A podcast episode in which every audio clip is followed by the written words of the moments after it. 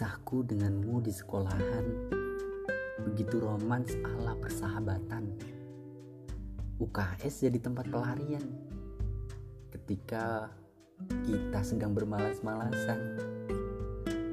Kantin jadi tempat peristirahatan dengan beralasan izin ke belakang.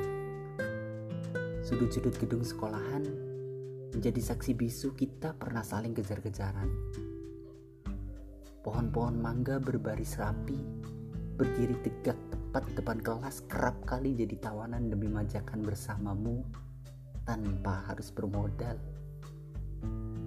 Tetapi kini aku benci dengan perasaanku. Tumbuhnya benih-benih cinta membuatku denganmu semakin berjarak. Benih-benih cinta kian hari terus menerus berkecambah tetapi hanya sepihak Aku benci dengan kebodohanku.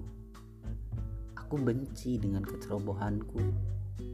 Seandainya rasa ini cukup disimpan rapi saja. Tentunya pasti saat ini kita masih baik-baik aja.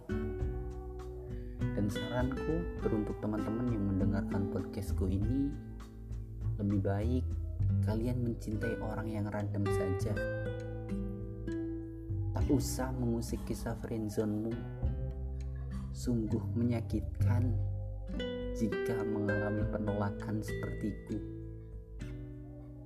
Namun, kalaupun salah satu dari kalian yang mengalami hal ini dan mendapatkan penerimaan, kalian sangat beruntung.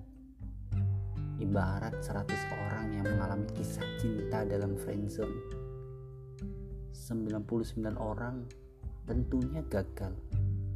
Juga mengalami kerusakan persahabatan. Cuma kamu sendirian yang berhasil mengambil kesempatan.